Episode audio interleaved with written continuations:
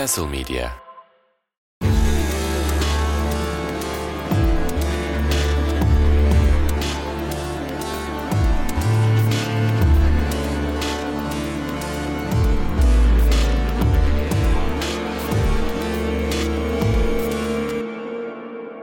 Merhabalar, ben Aykut Sezgi Mengi. Konuş Onunla podcast serisine hoş geldiniz. Bugünkü konuğum Hande Kuday. Hoş geldin Hande. Merhaba, hoş bulduk.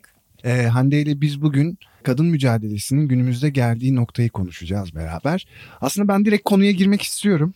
Senin için de okeyse. Sen yolla gelişinle ben bir şeyler söyleyeyim. Tamamdır. Az şimdi şöyle bir şey söyleyeceğim.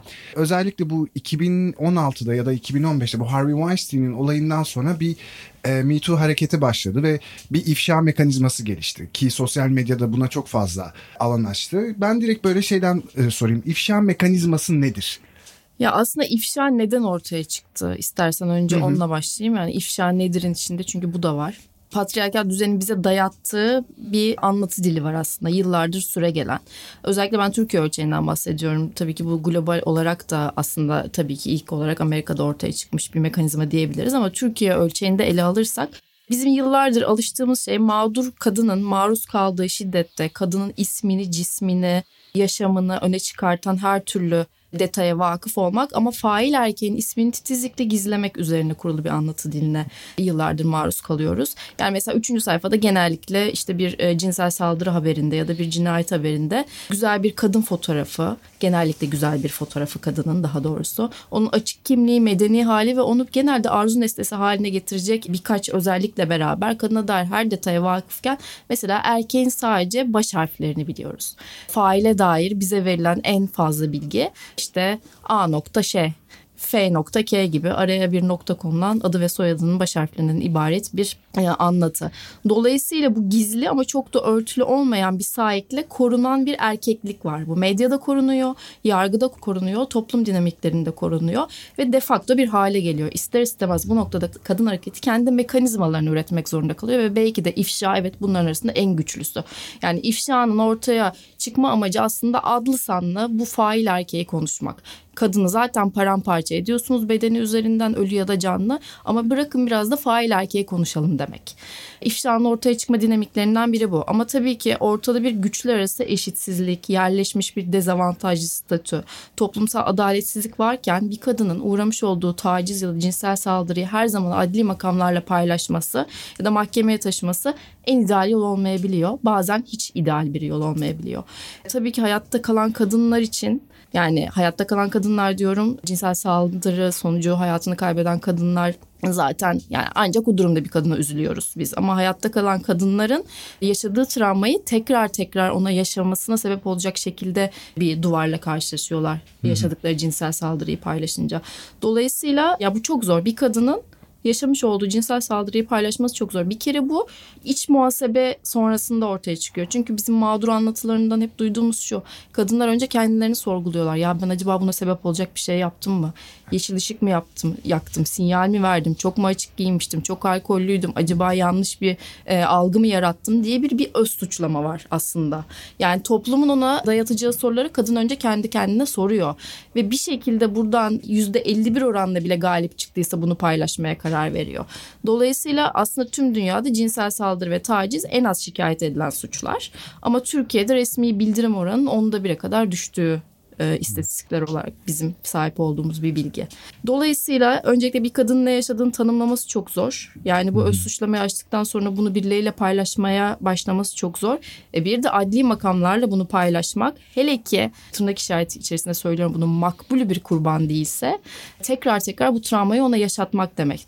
Yani ta e, karakol aşamasından itibaren o suçlayıcı bakışlar, imalar, o sorular bunlarla karşılaşmak demek. Dolayısıyla bu mücadeleye girmek istemeyen ama toplumsal adaleti bir şekilde sağlamak isteyen, içinde biriken öfke, adalet talebi ve intikam duygusu çünkü hayatta kalan kadının yaşamına devam etmesine çok engel olan duygular.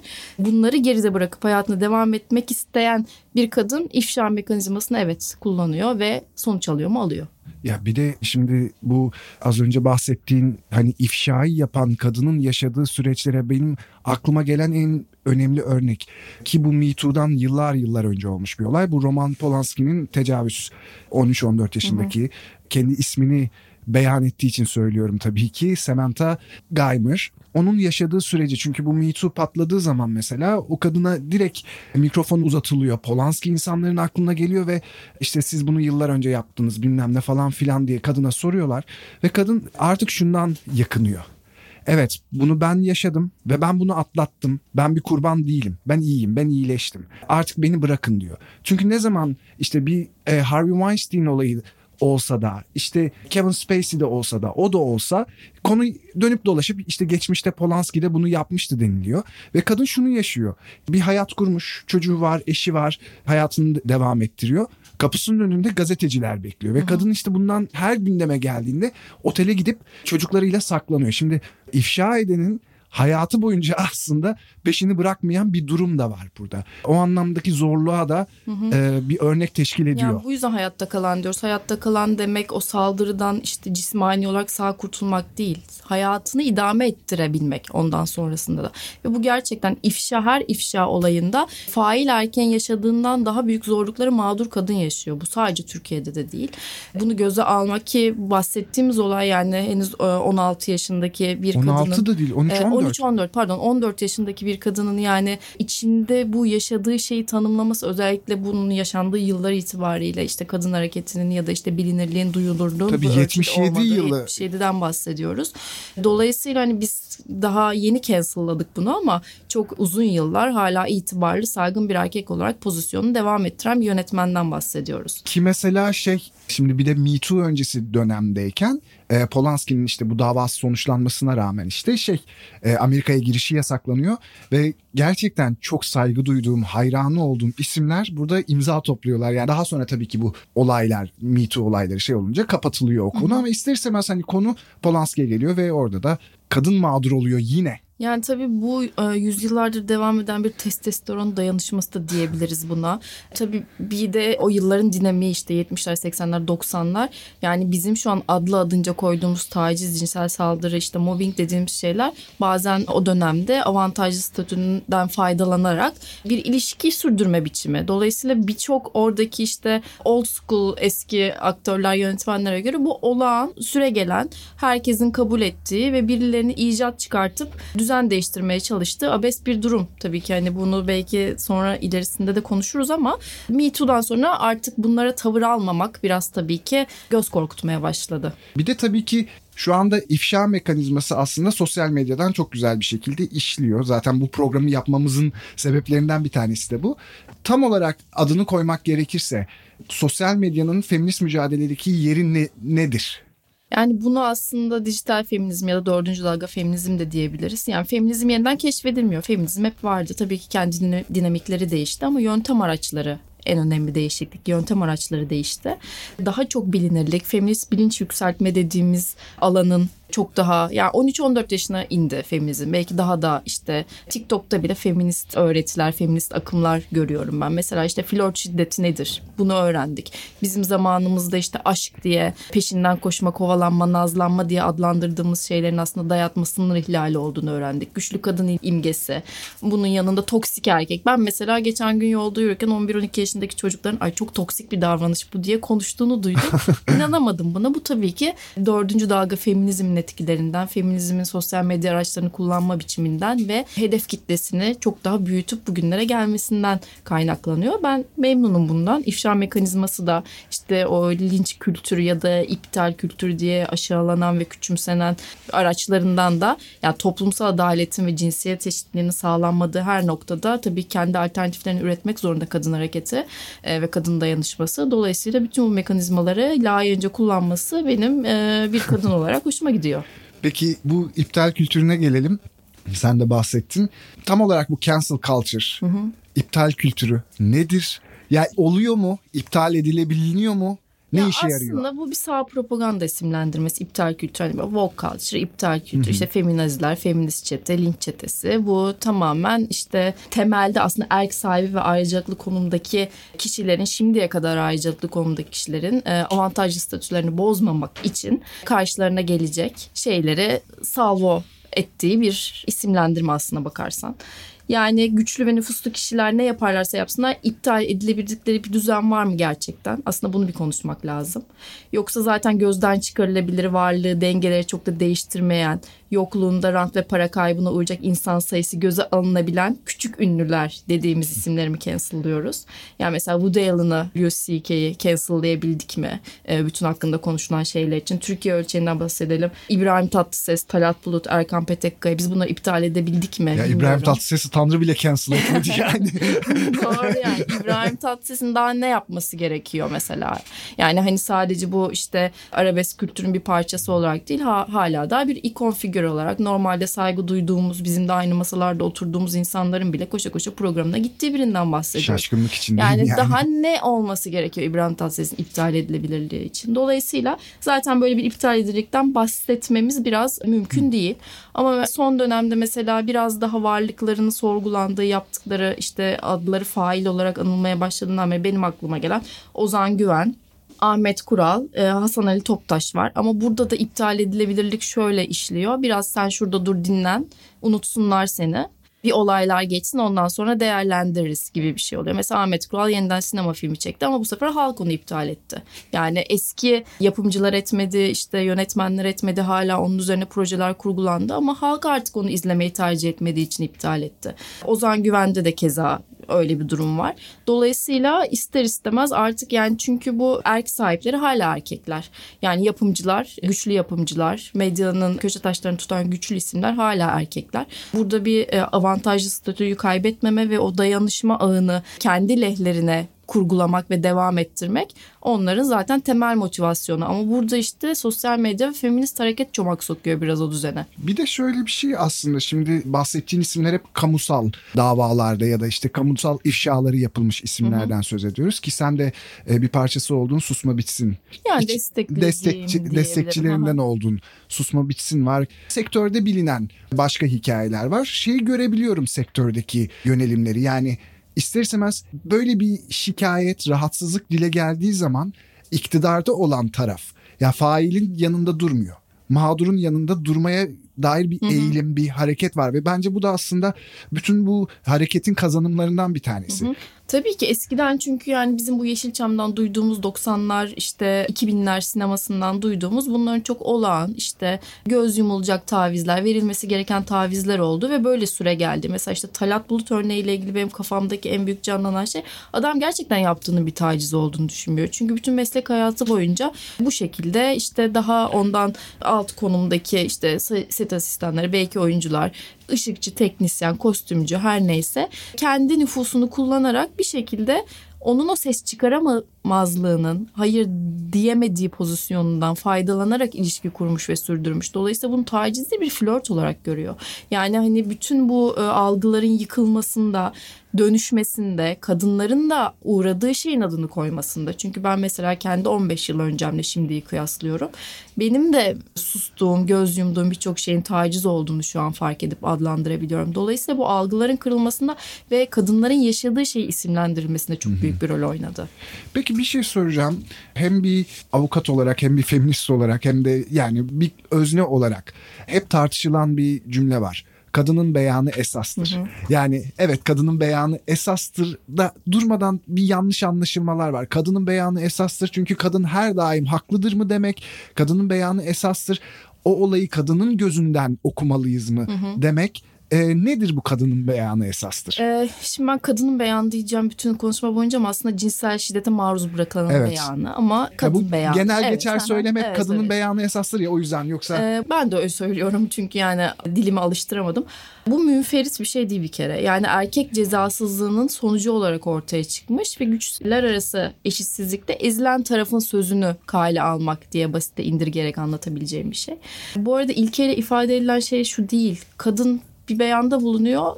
Bu tamamen hükme esas teşkil edecek. Kadının beyanı doğrudur. Böyle bir şey demiyor ilke. İlkeyle ifade etmek istenen şey aslında kadının beyanını soruşturma, değerlendirme, tartışma için yeterli zemini oluşturması. Eleştirildiği nokta tabii ki masumiyet karinesiyle çelişmesi. Ama şöyle masumiyet karinesiyle çelişki mağdurun ya da mağdur olduğunu iddia edenin problemi değil. Çünkü masumiyet karinesinde muhatabı mağdur değil. Erk, yargı, sistem. Dolayısıyla masumiyet karinesiyle çelişkisi mağdurun problemi değil. Yani bu arada zannediliyor ki bu yeni bir ilke İstanbul Sözleşmesi'yle ortaya çıktı falan. Hayır çok eski bir yargıtay iştahı ve yargıtay iştahının dilinin eskiliğinden de anlaşılacaktır. Diyor ki bir kadın ya da çocuk kendi şerefini ve namusunu ortaya koyarak kendisine cinsel istismarda bulunduğuna dair bir iddiada bulunmaz. O nedenle somut olayda buna göre değerlendirir ve araştırma yapılır. Yani temelindeki mantık şu hiçbir kadın salt başkasına zarar vermek şiarıyla kendisine zarar vermeye göz alarak böyle bir iddiayı ortaya atmaz. Çünkü Türkiye gibi bir toplumda bir kadının ben tecavüze uğradım diye ortaya çıkması ve bunun mücadelesini vermesi gerçekten sonraki hayatını yani bu özel hayatını, iş hayatını çok zorlaştıracak, her yerde karşısına çıkacak, tekrar tekrar aynı travmanın üretileceği ve yeni tacizlere. E, internet e, dönemindeyiz evet, yani. Evet bir kadın özellikle bir popüler e, medyatik bir Hı-hı. isim değilse normal mütevazı kendince bir hayatı varsa ismini Google'ladığın zaman... Direkt ilk... çıkacak. Demin evet. de dedim çünkü bir kadının adlı adınca böyle bir cinsel saldırı haberinde adı, soyadı, resmi, işi, yaşı, medeni durumu her şeyi çarşaf çarşaf ortaya döküldüğü için e, unutulma hakkı da e, bir hak olarak tanınmadığı için bu anlamda. Dolayısıyla bunu göze almak gerçekten hayatın olan akışına aykırı birine zarar vermek amacıyla. Yani zaten Türkiye'de özellikle ünlü ve erk sahibi bir erkeğin adı taciz ya da cinsel saldırıyla anıldığında ilk savunma biçimi kadının ünlü olmaya çalıştığı yönünde olur. Ama ben bu şekilde ünlü olmaya çalışan yani ünlü olabilmiş bir kadın bilmiyorum. Bilmiyorum sen biliyor musun? Tam tersi mağdur olarak kendini ortaya atan kadın failden daha zor bir hayat yaşıyor sonrasında. Tabii ki yani. Failinki unutulup gidiliyor ve normal hayatına devam ediyor ama eğer ki mağdur kadın ya siliniyor ya kendini unutturmaya çalışıyor. Yani bin bir zorlukla mücadele ediyor.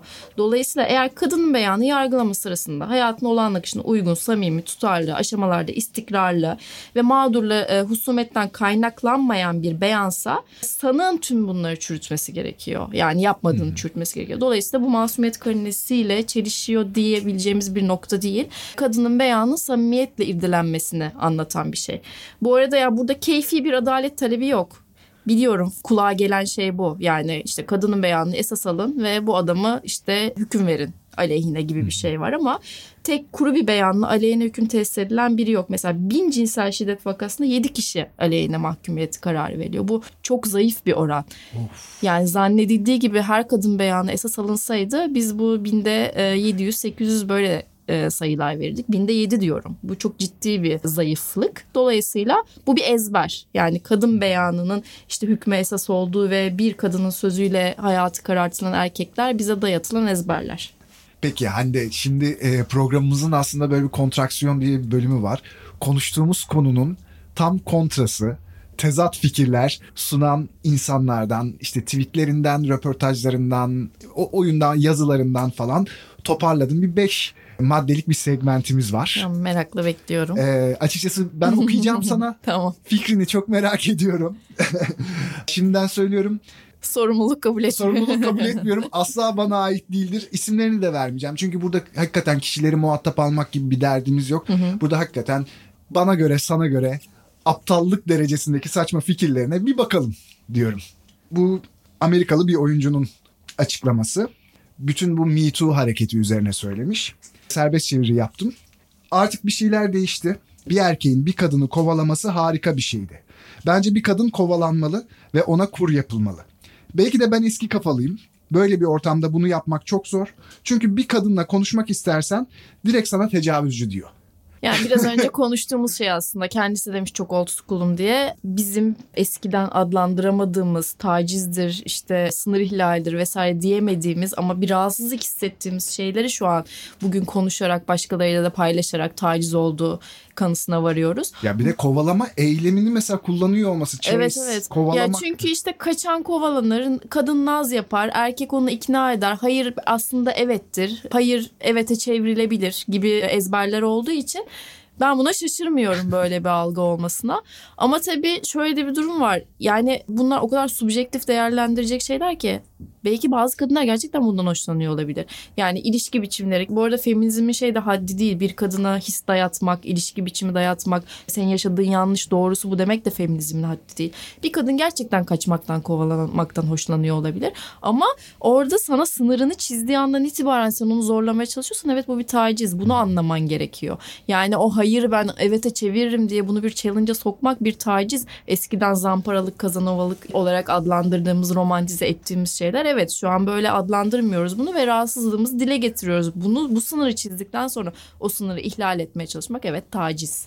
Ya bir de şimdi tam bu işte Amerikalı oyuncunun dediği şeyle paralel olarak hı hı. üzerine bir şey söylemeye gerek yok. Aslında çok ortak bir Twitter'da bir komedi hesabı şöyle bir şey de demiş. Artık kolay kolay erkekler kadınlara merhaba diye bile DM atmaz çok farklı bir döneme girilebilir.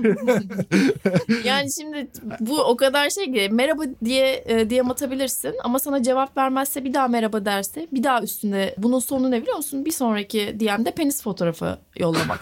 yani şimdi bir e, erkek için bunlar çok basit işte önemsiz görünen şeyler ama bir kadının maruz kaldığı binlerce şiddet biçiminden biri. Dolayısıyla artık bunlara maruz kalmamak, bunları set çekmek için bir tepki, bir sınır çizen bir kadının bu çizdiği sınıra sahip saygı göstermemek 2023'te gerçekten büyük bir ahmaklık ve ahmaklık diye ben kibarca söylüyorum ama daha da o sınırı ihlal etmek aynı zamanda tabii ki birçok suç tipine de uyuyor ve bununla yani kusura bakmayın erkekliği mağdur ilan edemeyeceğim bu alanda. Yani, yani taciz edebilme hakkınızı elimizden aldığımız için özür dileriz. Yok yani ne deseniz haklısınız. Kendi türüm adına özür diliyorum burada. Şimdi bir hatırlarsan Me Too olayı Türkiye'deki e, patladığı zaman kadınlar sosyal medyada Hı-hı. Türkiye'de de yaşadıkları tacizleri anlatmaya başlamışlardı. Hı-hı. Bir tane bir gazeteci hanımefendi böyle bir tweet atmıştı. Uğradığı tacizi doktora değil de sosyal medyada yazan kadınlara bir kendinize gelin.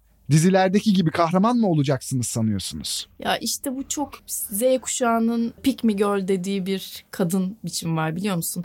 Ya erkeklere hoş görünmek, her konuda erkeği haklı göstermek ve erkeklere sempatik gözükmek için böyle testosteron dolu açıklamalar yapan kadınlar kim olduğunu da biliyorum.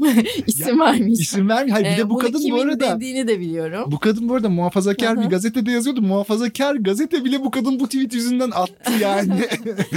yani dolayısıyla bunun mücadelesini vermenin ne kadar zor olduğunu her kadın biliyor ama bunu bilmeyen kadınların ben erkek fikirli ve erkek bakış açılı kadınlar olduğunu düşünüyorum ya da işte dediğim gibi muhakkak yer almak istediği ya da ait olmak istediği bir mahalle var ve o kesinlikle kadın mücadelesi mahallesi değil.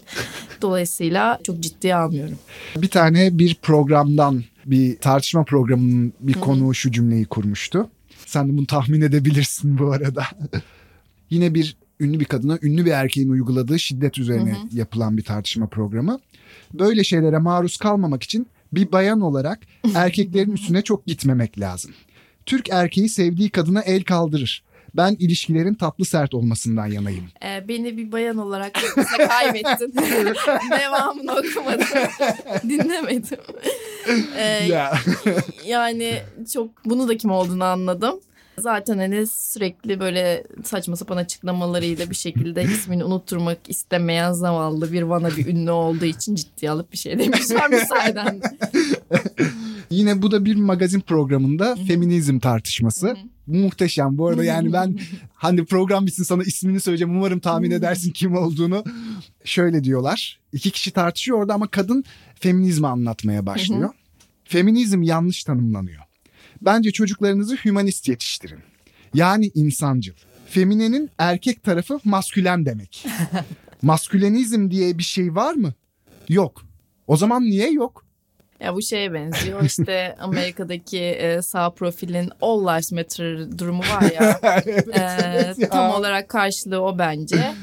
Zaten yine aynı kitlenin bir böyle benzer bir hümanizm şeyi de var işte insan hakları, kadın hakları değil vesaire. Bu gerçekten böyle çok temel seviyede aptallık olduğunu düşünüyorum tabii, tabii, ben tabii. Bunu, bunu anlayamamanın. Yani şöyle bir algı var tabii bu arada. Feminizmin amacının erkekleri cezalandırmak olduğu, erkeklerden intikam almak olduğu gibi. Aslında aslında yani böyle bir şey olmadığını açıklamak zul tabii ki ama çok basit bir şekilde üstünden geçmek istiyorum. Feminizmin temel amacı kadın mağduriyetini engellemek.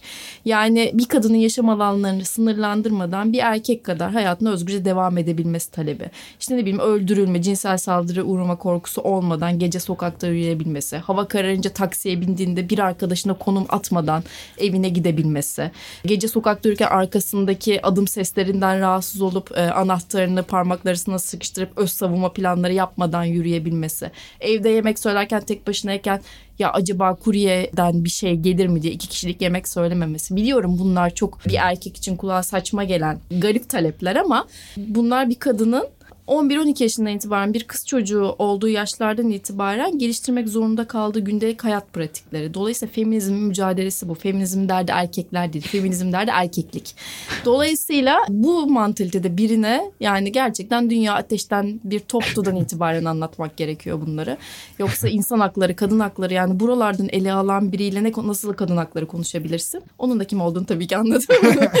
yani kadın hakları konusunda konuşacak son 5 Türkiye eski ünlüsünden belki biri olabilir. Neyse.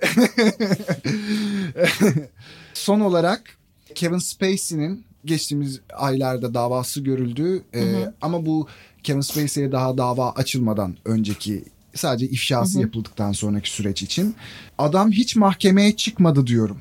Hiçbir suçu kanıtlanmadı. O onu dedi. Bu bunu dediğiyle bir yıldır men edildi sosyal yaşamdan. Evet ne yazık ki bunu anladım. ee, şimdi Kevin Spacey ile ilgili benim bildiğim 7 ayrı şikayet vardı. Yani dediğim gibi burada kadın beyanı, mağdur beyanı, cinsel şiddete uğrayanın beyanı temel olarak aldığı şey şu tutarlı, istikrarlı aşamalarda istikrar içeren ve hele ki birden çok insan, birden çok kadın aynı fail hakkında aynı şikayette bulunuyorsa çok da tereddüte yer bırakmayan, gri alan bırakmayan bir şeyden bahsediyoruz. Tabii ki burada mahkeme sonucunu beklemek, hükmü beklemek de bir tavır olabilir ama bu tavır sizin kişiliğinizle de ilgili önemli bir ipucu veriyordur. Hmm. Bu olay bir olayda mağdurla değil de faille empati yapabiliyorsanız mağdur olmayacağınızdan çok eminsinizdir ama fail olmayacağınızdan da o kadar emin değilsinizdir. Çünkü buradaki ilk empatiyi Kevin Spacey ile yapmak hastalıklı bir durum bence. 7 tane mağdura rağmen, 7 tane mağdur olduğunu iddia eden insana rağmen böyle bir şey demek yarın bir gün benim adım da bu şekilde kirletilebilir korkusudur bence. Ben böyle düşünüyorum biraz. Wow. ya burada artık söyleyecek hiçbir şey yok. Şimdilik bu segmenti kapatıyorum. Ee, yine sohbetimize devam edelim. Az önce aslında bütün bu Me Too sürecinin getirdiklerinden, kazanımlarından söz ettik. Şu karşılaştırmayı da çok merak ediyorum ki az önce şeyde örneğini verdim tabii ki Polanski 77'de yapılmış bir ifşadan örneği verdim ama genel düzlemde bakarsak Me Too öncesinde ve sonrasında özellikle nelerin değiştiğini çok merak ediyorum.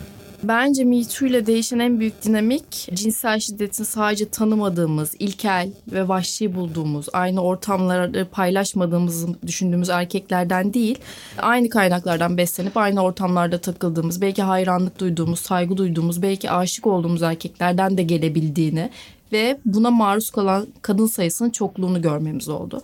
Çünkü normalde itibarlı ve mahallesinde herkesin o yapmaz ya diye kefil olabileceği erkekleri işaret edip bakın bana bunu yaptı demek çok zor bir kadın için.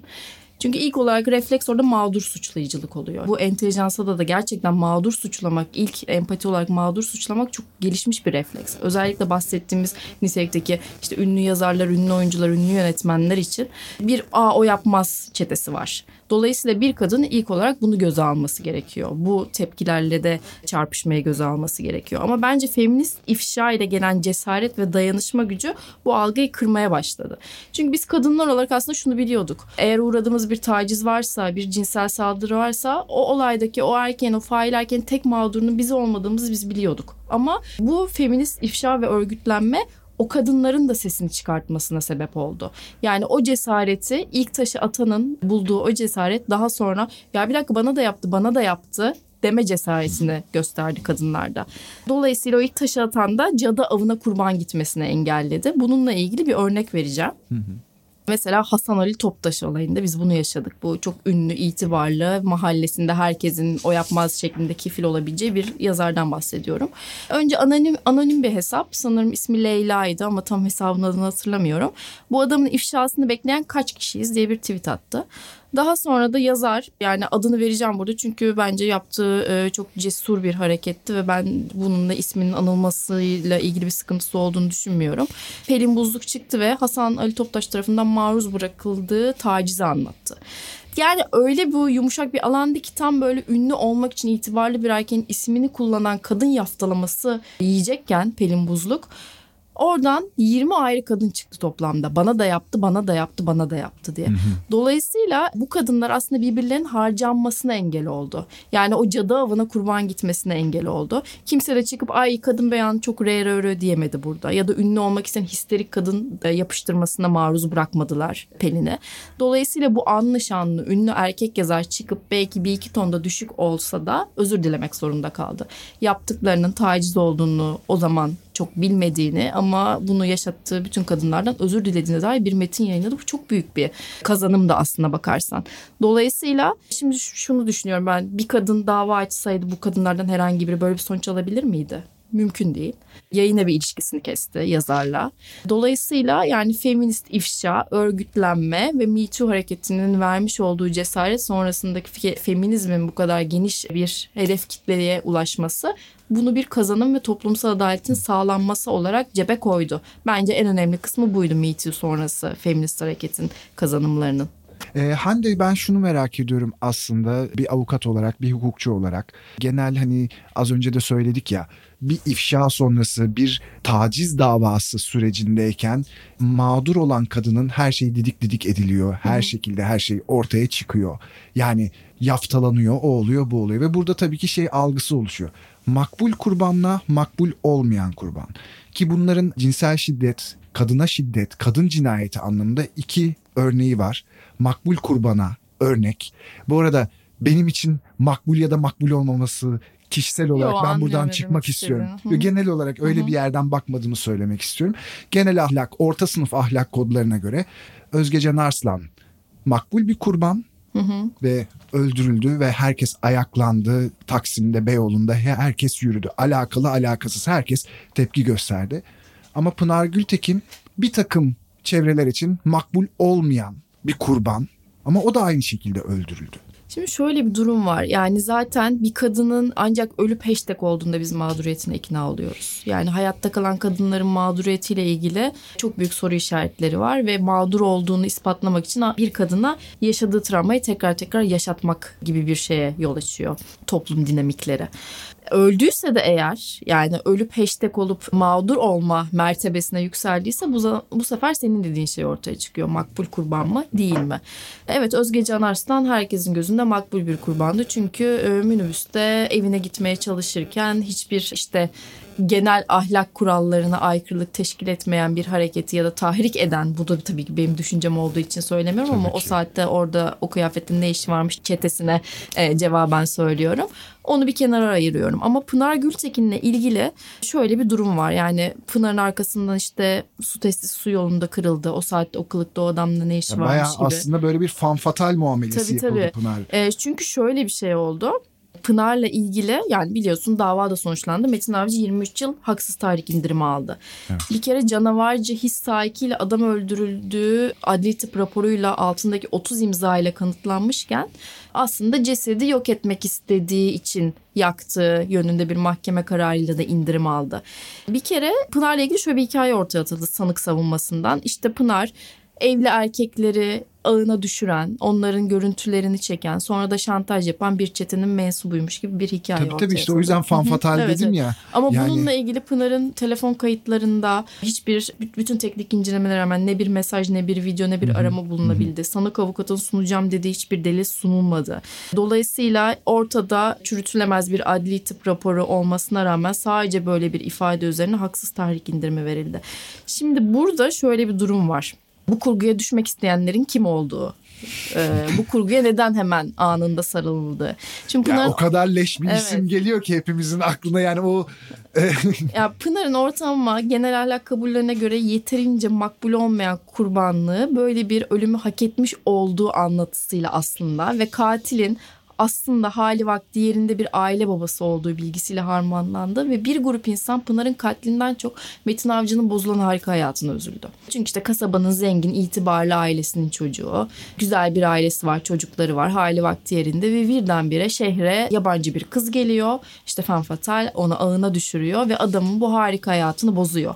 Birdenbire böyle bir imaj yaratıldı. Dolayısıyla bu aynı harika hayatı aynı sebeplerle bozulma tehlikesi yaşayan bütün erkeklerin can simidi bir anlatı oldu. Dolayısıyla şöyle bir şeye yol açtı bu. Yaktı ama bir son neden yaktı. Yani alttan alta ortaya atılan o can simidi gibi sarılınan hikayenin altında yatan aslında buydu. Bu arada Metin Avcı 5. duruşmasında yanılmıyorsam çıkıp Cumhurbaşkanı'na teşekkür etti. İstanbul Sözleşmesi'nin kaldırdığı için. Yani bütün bunlar tek tek okunarak ve bağlamından kopartılarak analiz edilecek şeyler değil. Erkek cezasızlığı, mağdur suçlayıcılık, işte kurum itibarlarının zedelenmemesi nedeniyle taciz ve cinsel saldırı iddialarının ortaya dökülmesi, erkek şiddetiyle yeterince etkin mücadele edilememesi gibi bütün bu büyük resmi okuduğumuzda erkek cezasızlığına karşı süre gelen böyle bir erk eylemsizliği var. Yani bu verilen haksız tahrik indirimi de bunun bir örneği. Bu cezasızlığa sebep olarak ortaya atılan kurgu hikayeye can simidi gibi sarılması da bunun bir örneği. Ve makbul kurban, makbul olmayan kurban ayrımı da bunun bir örneği. Yoksa seks işçisi de olabilirdi. Tabii ki. Yani hiçbir önemi yok. Şantaj da yapmış olabilirdi.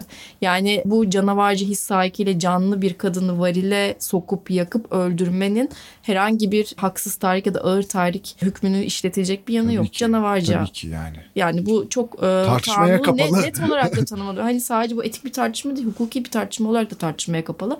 Ama işte bu cezasızlık öyle yerleşmiş ve erkin ve yargının da ilk olarak erkek faili koruma refleksiyle hareket ettiğini gösterir bir halde olduğu için e, ister istemez feminist hareket kendisine yeni eylem alanları buluyor. Yani hepsi bunların içinde. İfşa da bunun içinde, iptal kültür de bunun içinde.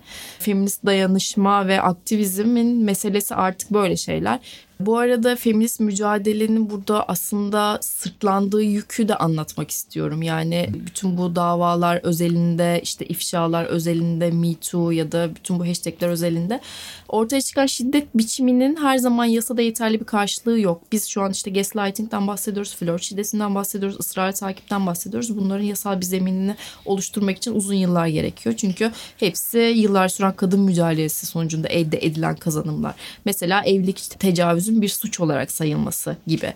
Dolayısıyla adını koydukça buna maruz kalmanın normal olmadığını haykırdıkça ve bunu bir dayanışma ağı içerisinde yaptıkça yasa koyucuya da bir baskı oluşturuluyor ve gündemine sokuluyor. Bunun için en uygun platformlar tabii ki şu an sosyal medya işte Twitter, daha küçük yaş küçükler için TikTok, Instagram. Her alanın layığıyla, mücadeleyle değerlendirilmesi gerekiyor makbul olan kurbanlar için de makbul olmayan kurbanlar için de en önemlisi artık daha fazla kurban vermemek için de.